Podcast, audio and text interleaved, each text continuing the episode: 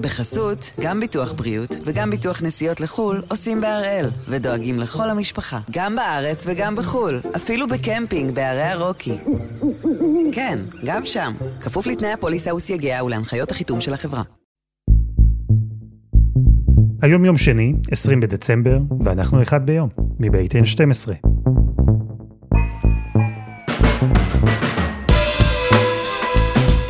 אני אלעד שמחיוף, ואנחנו כאן כדי להבין טוב יותר מה קורה סביבנו, סיפור אחד ביום, כל יום.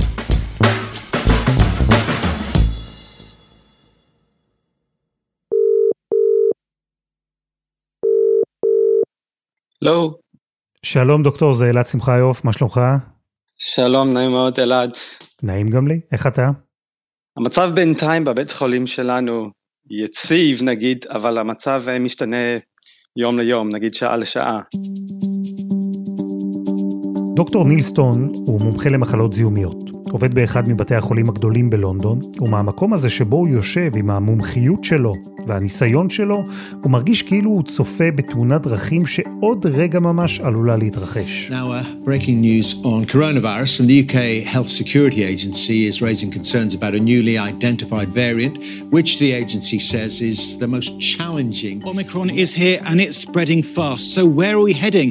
Well, confirmed cases of Omicron are rising by the day, but there are many... Just look at how quickly it's rising. Now, this line represents... בבריטניה כולה, כבר כמה ימים, יש יותר מ-80 אלף מאומתים בכל יום. בלונדון, עיר של כמעט 9 מיליון תושבים, קטנה קצת יותר מישראל, יש 30 אלף מאומתים ביום. רובם עם אומיקרון. דוקטור סטון והחברים שלו בבית החולים, הם יודעים מצוין מה זה אומר. אנחנו מדברים על זה כל הזמן ואנחנו מצפים לזה כי זה הגיוני שאם יש כאילו כל כך הרבה מאומתים ביום אה, כחיובי, אם יש מספר כזה גדול של אה, אנשים שיוצאים חיובים כל יום, רק אחוז קטן שצריך אה, אשפוז, שזה יכול להכניס המון המון לחץ על המערכת שלנו כאן. אז כן, זה, אני חושב שזה די בטוח שזה יקרה. אז אנחנו מתכוננים לזה עכשיו. ורואים משהו בינתיים? יש עלייה במאושפזים אצלכם? לא, האמת היא עוד לא, עוד לא, אבל זה חשוב מאוד להגיד שזה מוקדם מדי. זה לוקח אולי לפחות שבועיים נגיד, בין שמישהו כאילו מועמד כחיובי בקורונה, עד שהוא מגיע למצב שהוא צריך אשפוז. אז בינתיים המצב בתוך הבית חולים, מבחינת מספר המאושפזים זה יציב, אבל הבעיה עכשיו שהרבה מהצוות שלנו לא יכולים לעבוד בגלל הם נדבקו באומיקרון. אז עכשיו אנחנו בבעיה בגלל זה, זה איפה שאנחנו עומדים עכשיו. האנשים האלה בצוות הם מחוסנים? כן, כמעט כולם שם מחוסנים שלוש פעמים, אבל חייב להגיד, וזה גם חשוב מאוד מאוד מאוד, שהרוב הם ללא תסמינים או תסמינים קלים מאוד. הבעיה שלנו זה הם יכולים להיות בבידוד בבית ולא יכולים לעבוד. למשל, אני צריך שבוע הבא, זה הקריסמס כאן, וכמובן שזה חג מאוד חשוב באנגליה, ואני אמור לעבוד בקריסמס, כי בתור יהודי פחות אכפת לי מהחג הזה, האמת היא, אז אין לי בעיה לעבוד בקריסמס, אבל... גוי של שבת רק של הגויים, כלומר. סוג של, נכון, אבל הבעיה שלי, אין לי צוות לעבוד איתי, כי חלקם והרבה מהם הם בבית בבידוד עם, עם קורונה, הם בסדר, עם תסמינים קלים או ללא תסמינים, אבל אי אפשר לעבוד ככה. זה הבעיה עכשיו של, שלנו.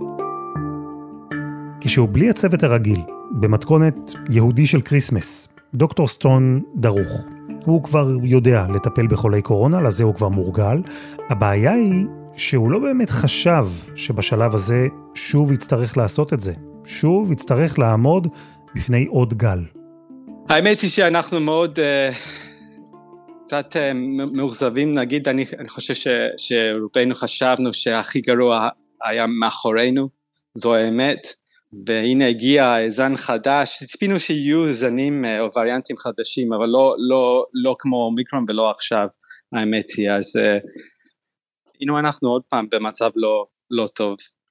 ואם אמרנו בהתחלה שהוא מרגיש כאילו הוא צופה בתאונת דרכים שעלולה להתרחש, אז יכול להיות שהתאונה הזאת תסתיים, באופן מטאפורי, כן? עם כמה שריטות קלות. כי בשלושה שבועות שחלפו מאז שעסקנו כאן בווריאנט החדש, זה שרק התחיל אז להתפשט בעולם, אומיקרון, אז כבר התחיל להצטבר מידע.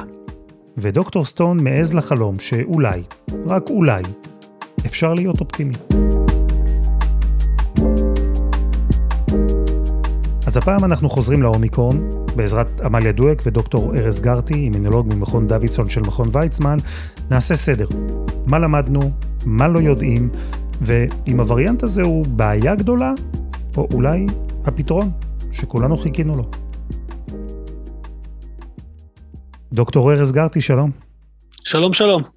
ברגע הזה שבו אתה ואני משוחחים, איך היית מגדיר את המצב בישראל ביחס לווריאנט החדש? הווירוס כבר פה, הווריאנט כבר פה, ההדבקה מסתובבת. אה, אנחנו לדעתי בפתחו של, אה, לא רק לדעתי, לדעת הרבה אחרים, אנחנו בפתחו של אה, גל חמישי ש, שהולך להתחיל ממש בקרוב. כבר עכשיו רואים את המספרים עולים, אנחנו נראה אותם עולים בקצבים שלא הכרנו.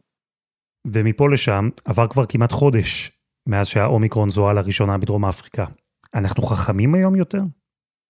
כן, אנחנו בהחלט חכמים יותר, אנחנו יודעים עליו יותר, עדיין יש הרבה מאוד דברים שאנחנו לא יודעים. ולאן המדענים בעולם מסתכלים עכשיו כדי לקבל את התשובות לשאלות האלה שעדיין נשארו פתוחות? לאירופה, לגמרי לאירופה. אה, מדרום אפריקה יש כבר הרבה נתונים, אבל דרום אפריקה זאת מדינה שהיא קצת ייחודית, גם כי אחוז המחלימים שם הוא מהגבוהים בעולם. המחוז שבו זה התפרץ, מחוז חאוטנג, שם יש אחוז מחוסנים של סדר גודל של 40 אחוז, אם אני לא טועה, וזה יכול להסביר למה התחלואה היא קלה, ומבחינת תחלואה רואים שם בפירוש ירידה בכמות המקרים הקשים בבתי חולים ביחס לדלתא, אבל פה קיים החשש ש... כשיהיה הרבה מאוד אנשים שנדבקו, עדיין האחוז הקטן הזה יהפוך להיות מספר גדול. קצב הכפלה של הווירוס, אם אני לא טועה, זה כבר כל יומיים, משהו כזה, וזה אומר שהווירוס מתפשט שם בקצב, וחשוב לזכור שצריך לקחת תמיד שבוע-שבועיים מהיום שאנשים נדבקו, בשביל לראות האם הם יידרדרו למצב קשה או לא. אז אנחנו עכשיו מתחילים לראות את זה, אין עדיין איזשהם נורות אדומות מטורפות של אה, הרבה מאוד חולים קשה, אבל ממש בקרוב אנחנו נגלה מהו אחוז התחלואה הקשה מבין, אה, ביחס לדלתא. אז אתה אומר שמדרום אפריקה קשה להשליך על מדינות אחרות, אבל מה כן אפשר לומר עד עכשיו, ממה שאנחנו רואים במדינות הרלוונטיות? אז אנחנו יודעים שמדובר בווריאנט הרבה יותר מדבק. כמה יותר מדבק? לא יודעים, נזרקים כבר כל מיני מספרים, פי שתיים, פי שלוש, אולי יותר. אה, מבחינת החומרה של המחלה של הווירוס, יש אה, איזשהו שיח שהווירוס הזה אולי הוא פחות אלים, ו... יש הרבה אי ודאות עדיין, אז בגלל זה גם הרבה מדינות נוקטות באמצעים מניעתיים בשביל שאם המצב הוא לא טוב, שאנחנו לא נגלה את זה בדרך הקשה. נפרק רגע את כל זה. האומיקרון מדבק יותר, זה ברור. לא צריך ניתוחים מורכבים, לא צריך ניסויים, פשוט רואים את זה בנתונים. במקומות שבהם הוא מתפשט יש שיאי תחלואה. בדרום אפריקה, בבריטניה, בדנמרק, מספר המאומתים בשיא. יש את המדד הזה, R, זוכרים? השאלה כמה אנשים מאומת אחד יכול להדביק? אז בקורונה המקורית דובר על שניים וחצי. בדלתא כבר זינק לשבעה. באומיקרון מדברים על עשרה. והחיסון, מה איתו? מה יודעים עליו? אז הנתון העיקרי שיש זה, זה נתונים ממחקרי ניטרול. בודקים בתנאי מעבדה, האם הנוגדנים של בן אדם מחוסן מצליחים לנטרל את, ה, את היכולת של הנגיף להדביק. רואים שאנשים שקיבלו בוסטר הנוגדנים שלהם מנטרלים יותר טוב מאשר אנשים שלא קיבלו בוסטר, רואים שאנשים שמחלימים וקיבלו חיסון, הנוגדנים שלהם מנטרלים יותר טוב מאשר אנשים אה, ש, שלא קיבלו חיסון. אה, ויש מחקר אחד שראיתי שהשווה בין אנשים שקיבלו בוסטר לאנשים שקיבלו בוסטר אחרי שלושה חודשים, וגם שם ראו איזשהו הבדל, ומפה עולה איזשהו חשש שאולי יש לנו גם התחלה של דעיכה של הבוסטר.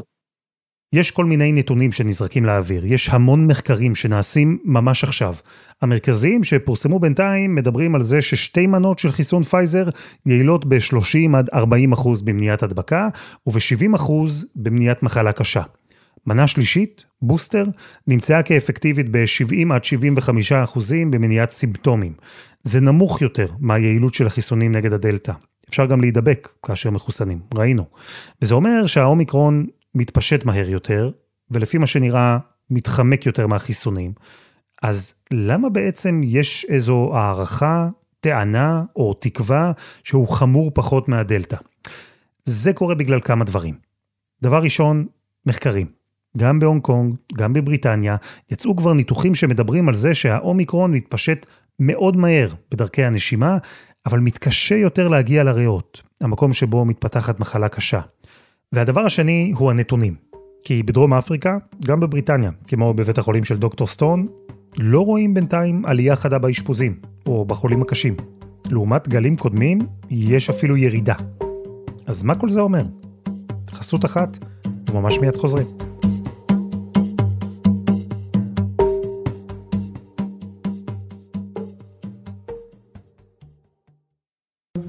בחסות, גם ביטוח בריאות וגם ביטוח נסיעות לחו"ל עושים בהראל, ודואגים לכל המשפחה, גם בארץ וגם בחו"ל, אפילו בקמפינג בערי הרוקי. כן, גם שם, כפוף לתנאי הפוליסה וסייגיה ולהנחיות החיתום של החברה. אנחנו עם האומיקרון, מנסים להבין מה בדיוק הקטע שלו. דוקטור ארז גרטי, יש איזו הערכה, אולי, בתקווה, שהמחלה הפכה עכשיו להיות קשה פחות. יכול להיות שהיא פשוט מתנהגת אחרת, כלומר, היא כן חמורה, אפילו באותה מידה, אבל לא לוקח לה את אותם שבועיים להתפתח למחלה קשה, אלא נניח יותר. תאורטית זה נכון, אבל הווירוס קיים בבריטניה ובאירופה יותר משבועיים. אז אם היה איזה משהו מאוד קיצוני, כנראה שהיינו רואים את זה. אני חושב שהחשש העיקרי שיכול להיות שהווירוס הזה הוא פחות קשה, בקצת, לא יודעים עדיין בכמה, אבל הוא מדביק במסות מטורפות. אז יהיו לך המון המון המון אנשים שנדבקים, רובם עוברים את זה בסדר, אחוז קטן לא, והאחוז הקטן הזה הופך למספר גדול. זו מתמטיקה די בסיסית. חמישה אחוז מאלף גבוה יותר מאשר עשרה אחוז ממאה. כלומר, גם אם לאדם בודד יש פחות סיכון להידרדר למצב קשה עם אומיקרון, ברגע שהרבה יותר אנשים יידבקו, אז באוכלוסייה כולה יהיו יותר מאושפזים, יותר חולים קשה, יותר מתים. ומצד אחד, רוצים למנוע את זה. מהצד השני, כדי לעשות את זה בצורה יעילה צריך מידע. והמידע האמיתי, המדויק יותר, הוא יגיע מהשטח. אנחנו ממש כל שבוע רואים עוד ועוד אה, מחקרים יוצאים, והמידע ממש נצבר, וחודש זה באמת זמן שיא, זה הרף עין במדע. בוא נגיד שבווריאנטים הקודמים אנחנו לא ראינו את המידע נצבר כל כך מהר. תשמע, אתה אומר מהר, אבל העולם, אה, ואני אומר העולם שמחוץ למעבדה, הוא חסר סבלנות, כי לשאלות האלה על האומיקרון יש השפעה ענקית על החיים שלנו. זה, זה המדע. המדע מתקדם לאט, לא יעזור. כשעשיתי דוקטורט, הקטע הזה שאתה מעמיד ניסוי ואתה צריך לחכות שבוע בשביל לראות את התוצאות, זה נורא נורא מתסכל, אבל זה, ככה זה. והעניין הוא שזה לא עובד ביחד, כי אין באמת זמן לשבת ולחכות למדע. החלטות צריך לקבל כבר עכשיו, עד שיהיו תשובות. וזה מצב מורכב, כי אתה כמנהיג צריך לקבל החלטות קשות על סמך התרחיש הגרוע, בזמן שיכול להיות שבעצם רק סיבכת את המצב, כי בסוף יתברר שדווקא התרחיש האופטימי הוא זה שיתממש. אז מה עושים? אנחנו למעשה קונים זמן, וכל יום, כל שבוע שאנחנו קונים, זה זמן שבו אנחנו יכולים לקבל יותר מידע, ואז ללמוד יותר איך להתמודד עם הנגיף, ולראות האם באמת יש סיבה לחשוש. זאת הסיבה שהממשלה סגרה את נתב"ג ברמה מסוימת שהיא מאוד מגבילה את הכניסה ואת הבדיקה של, ה, של האנשים, והכל בשביל לקנות עוד שבוע ועוד קצת בשביל שאנחנו נדע מול מה אנחנו עומדים, ושלא נגלה את זה בדרך הקשה על בשרנו, אלא נלמד את זה מניסיונם של אחרים. אז אני רוצה להעלות כאן השערה, ויכול להיות שמה שאני אומר אולי הוא אה, קצת מעוות, אבל תישאר איתי, יש תמונה גדולה. אין בעיה. יכול להיות שהאומיקרון הוא בכלל הפתרון? כלומר, כל כך הרבה אנשים ייחשפו, יידבקו למחלה שאנחנו מקווים שהיא קשה פחות. ואז בגלים הבאים אנחנו כבר נהיה עם מה שנקרא חסינות עדר? יכול להיות, בהחלט יכול להיות, וגם יכול להיות שלא. הכל שאלה של מה האומיקרון עושה ומה המחיר שאנחנו נשלם. אם יתברר שהאומיקרון הוא נגיף שהוא קצת יותר חלש מהדלתא, אבל עדיין גורם לתחלואה קשה ולתמותה, אז אנחנו נגיע לגל הבא עם הרבה יותר אנשים שהם מחלימים או מחוסנים, ואז מהבחינה הזאת יכול להיות שהגל השישי כבר לא יהיה גל, אלא יהיה איזה משהו כזה, כמו שאנחנו רואים אה, פה בחורף. אבל הכל שאלה של מה המחיר שאנחנו צריכים לשלם בשביל להגיע לשם. ופה, זאת הסיבה שגם מאוד חשוב שכל מי שיכול להתחסן, מנה שנייה, מנה שלישית, כל אחד בהתאם למצב שלו, שבאמת יעשה את זה בראש ובראשונה בשביל לשמור על עצמו. אחר כך, בשביל לתרום לחסינות של האוכלוסייה, אבל בראש ובראשונה לשמור על עצמו, כי אנחנו עדיין לא יודעים מול מה אנחנו עומדים. אז בכל העולם מתמקדים עכשיו בדיוק בשאלה הזו. איך קונים זמן? איך עושים את זה נכון? הולנד לדוגמה, היא הלכה על צעד קיצוני. נכנסה לסגר מלא בדיוק בשביל המטרה הזו. התחלואה שם בעיקרון בירידה מסוימת, אבל מתוך ההבנה שהאומיקרון מגיע, הם החליטו לסגור הכל כדי להרוויח זמן. ואנחנו רואים בכל מיני מדינות כל מיני צעדים. יש צעד שאם הייתם בכלל מעזים ללחוש אותו באירופה שלפני כמה חודשים, לא היו מאמינים לכם. חובת חיסונים. והנה, באוסטריה, ביוון כבר הלכו על זה, בגרמניה מקדמים את זה, בבריטניה מחייבים את עובדי מערכת הבריאות להתחסן, וזה קורה בעוד מדינות. הכל מתוך מחשבה שהחיסונים הם כרגע הדרך היעילה, הדרך הטובה ביותר להתמודד עם הגל. ובישראל? עמליה דואק, שלום. שלום אלעד. צמד המילים הזה, חובת חיסונים, זה בכלל משהו שעולה בישיבות הממשלה? לא. שום סיכוי. אה, זה לא יקרה, זה לא יעבור. תשמע, אנחנו גם, אתה יודע, גם בתוך הקונסטלציה הפוליטית של הממשלה הזו, אתה לא תראה צעדים דרמטיים. בוא, תסתכל אפילו על סגירת השמיים, ההרחבה של רשימת המדינות האדומות. אפילו לזה שר הבריאות ניצן הורוביץ, אתה יודע, ככה זז באי נוחות בכיסא ואמר, צריך לעשות את זה יותר מדורג. אני מזכירה לך את תיקוני השב"כ, זה לא עבר בסוף, בגלל חשש לפגיעה בזכויות אזרח. אין מה לדבר בכלל על חובת אה, חיסונים, בטח לא בקונסטלציה הפוליטית הזו. זהו, שצריך אולי להסביר, כי המונח הזה, חובת חיסונים, יכול קצת להטעות. זה לא אומר שירדפו אחרי אנשים עם מזרקים ברחוב. במקומות שבהם כן מדברים על חובת חיסונים, אז זה מתורגם לאיסור פלילי, קנסות, הגבלות על מי שלא מתחסן. ובעצם מה שאת אומרת, זה שבישראל הדרך הזו לא עומדת על הפרק, זה בגלל קונסטלציה פוליטית או אג'נדה? גם בממשלה הקודמת, ששם הקונסטלציה הפוליטית הייתה שונה, וגם בממשלה הזו, הרבה פעמים מפילים את זה על הסוגיה המשפטית. אה, כלומר, אומרים, אנחנו רוצים ללכת צעד אחד יותר רחוק ממה שהמשפטנים מאפשרים לנו. למשל, היו כל מיני הצעות, אני מזכירה לך לתת למשל הטבות כלשהן למי שהתחסן. ואז דובר על זה שאי אפשר, שזה לא יעבור מבחינה משפטית. עכשיו היה רעיון, אה, אפרופו תו ירוק בקניונים שנפל, אה, לעשות את הדבר הבא, להגיד בוא נקים מתחמי התחסנות בקניונים הגדולים, וניתן ואוצ'ר. אה, ניתן כסף לאנשים שילכו ויבזבזו בחנויות לאחר מכן. גם זה כרגע עדיין לא עבר. אז כל פעם יש הצעות של שרי הממשלה שמוכנים ללכת צעד אחד קדימה ואיכשהו נבלמים צעד אחד אחורה, פעם זה על ידי משפטנים, פעם זה על ידי לחצים מאנשי עסקים. אה, בישיבת הממשלה אתמול, למשל, עלתה הצעה מאיילת שקד, שהיא יותר אה, פרקטית במרכאות, שהיא באה ואומרת, תראו, אנחנו בעוד 10-20 אה, יום מהיום, כאמור, נהיה בעשרות אלפי מאומתים אולי. כל בן אדם כזה שיבוא במגע עם מאומת, גם אם הוא מחוסן, אמור להיכנס לשבוע בידוד, זה יותר מדי. בואו נעודד אנשים להתחסן על ידי זה שנגיד להם, לכם נקצר את הבידוד לשלושה ימים בלבד. אז יש גם רעיונות כאלה, שהם אה, כביכול יותר פרקטיים. מצד שני, תרשה לי להניח שבמקרה הזה לא המשפטנים התנגדו, אלא אנשי משרד הבריאות. אם ראש הממשלה בנט לא הולך למקומות האלה של סנקציות הלא מחוסנים, וצריך לומר, כרגע רוב המומחים נגד לעשות דברים כאלה. זה צעדים שיש איתם בעיות משפטיות, בעיות מוסריות, אבל אם הוא לא עושה את זה, מה הוא כן עושה? בזמן הזה הוא מנסה לעשות כמה דברים. דבר ראשון, הוא יבוא במסר לציבור, לכו תחסנו את הילדים. חברים, חיסון הילדים בטוח, והוא באחריות ההורים. הורה מוגן שהתחסן שלוש פעמים, חייב להגן גם על ילדיו. הוא מקווה שזה יביא אותו ל-700 אלף ילדים מחוסנים, 50 אלף ילדים מחוסנים ביום. אלעד זה מאוד רחוק ממה שקורה כרגע בשטח, סתם כדי לסבר את האוזן, בימים האחרונים היינו על סביב ה-5,000 ילדים מחוסנים ביום, בימים החלשים ואולי קצת יותר בימים חזקים יותר. זה מאוד רחוק מזה. חיסונים, אה, לחסן ילדים, זה משהו שאנחנו, האזרחים, אנחנו אחראים לעשות, בהתחשב בזה שיש תשתית ויש חיסונים, בישראל יש גם וגם. מה המדינה עושה? הדבר, הרובד השני אה, שעושים זה הצטיידות. אה, גם אה, מצטיידים כמובן בתרופות של פייזר שאמורות למנוע מחלה קשה, גם יש כבר מגעים מול פייזר לחיסון מותאם, אבל זה ייקח שלושה ארבעה חודשים. ומה שעושים בינתיים, וזה כבר מתחיל השבוע, זה ניסוי בבני אדם, והפעם באמת ניסוי בבני אדם, וזה קורה בבית החולים שיבא לחיסון רביעי.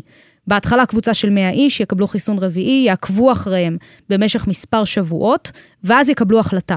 האם כבר בינואר לבקש, כי שוב, לא יחייבו אף אחד, אבל להציע לאוכלוסייה המבוגרת לפחות, לעשות חיסון רביעי, אם תרצה בוסטר 2, ולקוות שזה באמת יגן עליהם בצורה טובה יותר מגל התחלואה.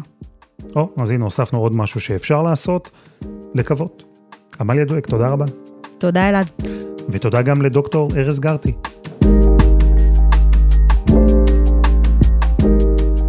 היה אחד ביום, של N12. הפרק הזה, כמו כל הפרקים הקודמים שלנו, למשל, איך אומיקרון בא לעולם, הפרק שבו דיברנו על מה זה בעצם וריאנט האומיקרון, איך הוא נוצר, אז כולם זמינים ב-N12 ובכל אפליקציות הפודקאסטים. אנחנו גם בפייסבוק מאוד רוצים לשמוע מה דעתכם על ההגבלות החדשות שמטילים בישראל, בעד, נגד, ראוי, לא ראוי. אנחנו שם. העורך שלנו הוא רום אטיק, תחקיר והפקה דני נודלמן, רוני ארניב ועדי חצרוני, על הסאונד יאיר בשן שגם יצר את מוזיקת הפתיחה שלנו, ואני אלעד שמחיוף, ואנחנו נהיה כאן גם מחר.